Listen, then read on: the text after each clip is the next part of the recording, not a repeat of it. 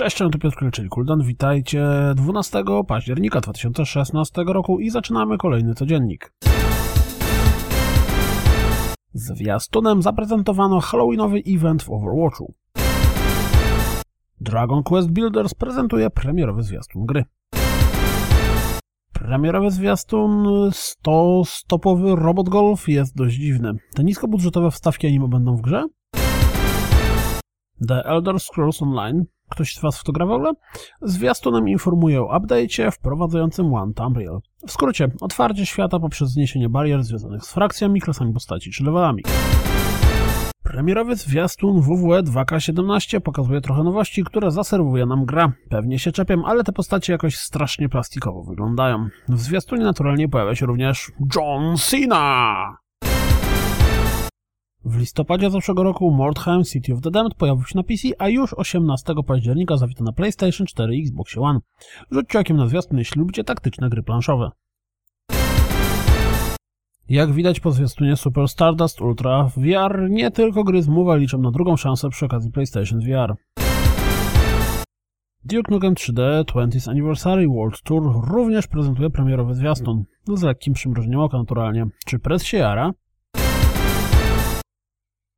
Jeśli należycie do grona tych wyjątkowych graczy, którzy uwielbiają Europa Universalis 4, to na bank ucieszy Was zwiastun nowego dodatku do gry Rights of Men. Tymczasem Konami zaprezentowało zwiastun Metal Gear Solid 5 The Definitive Experience. Uwielbiam te nazwy. Hashtag nie lubię tego. Cuphead zaliczy kolejną obsługę i pojawi się jakoś w połowie 2017 roku.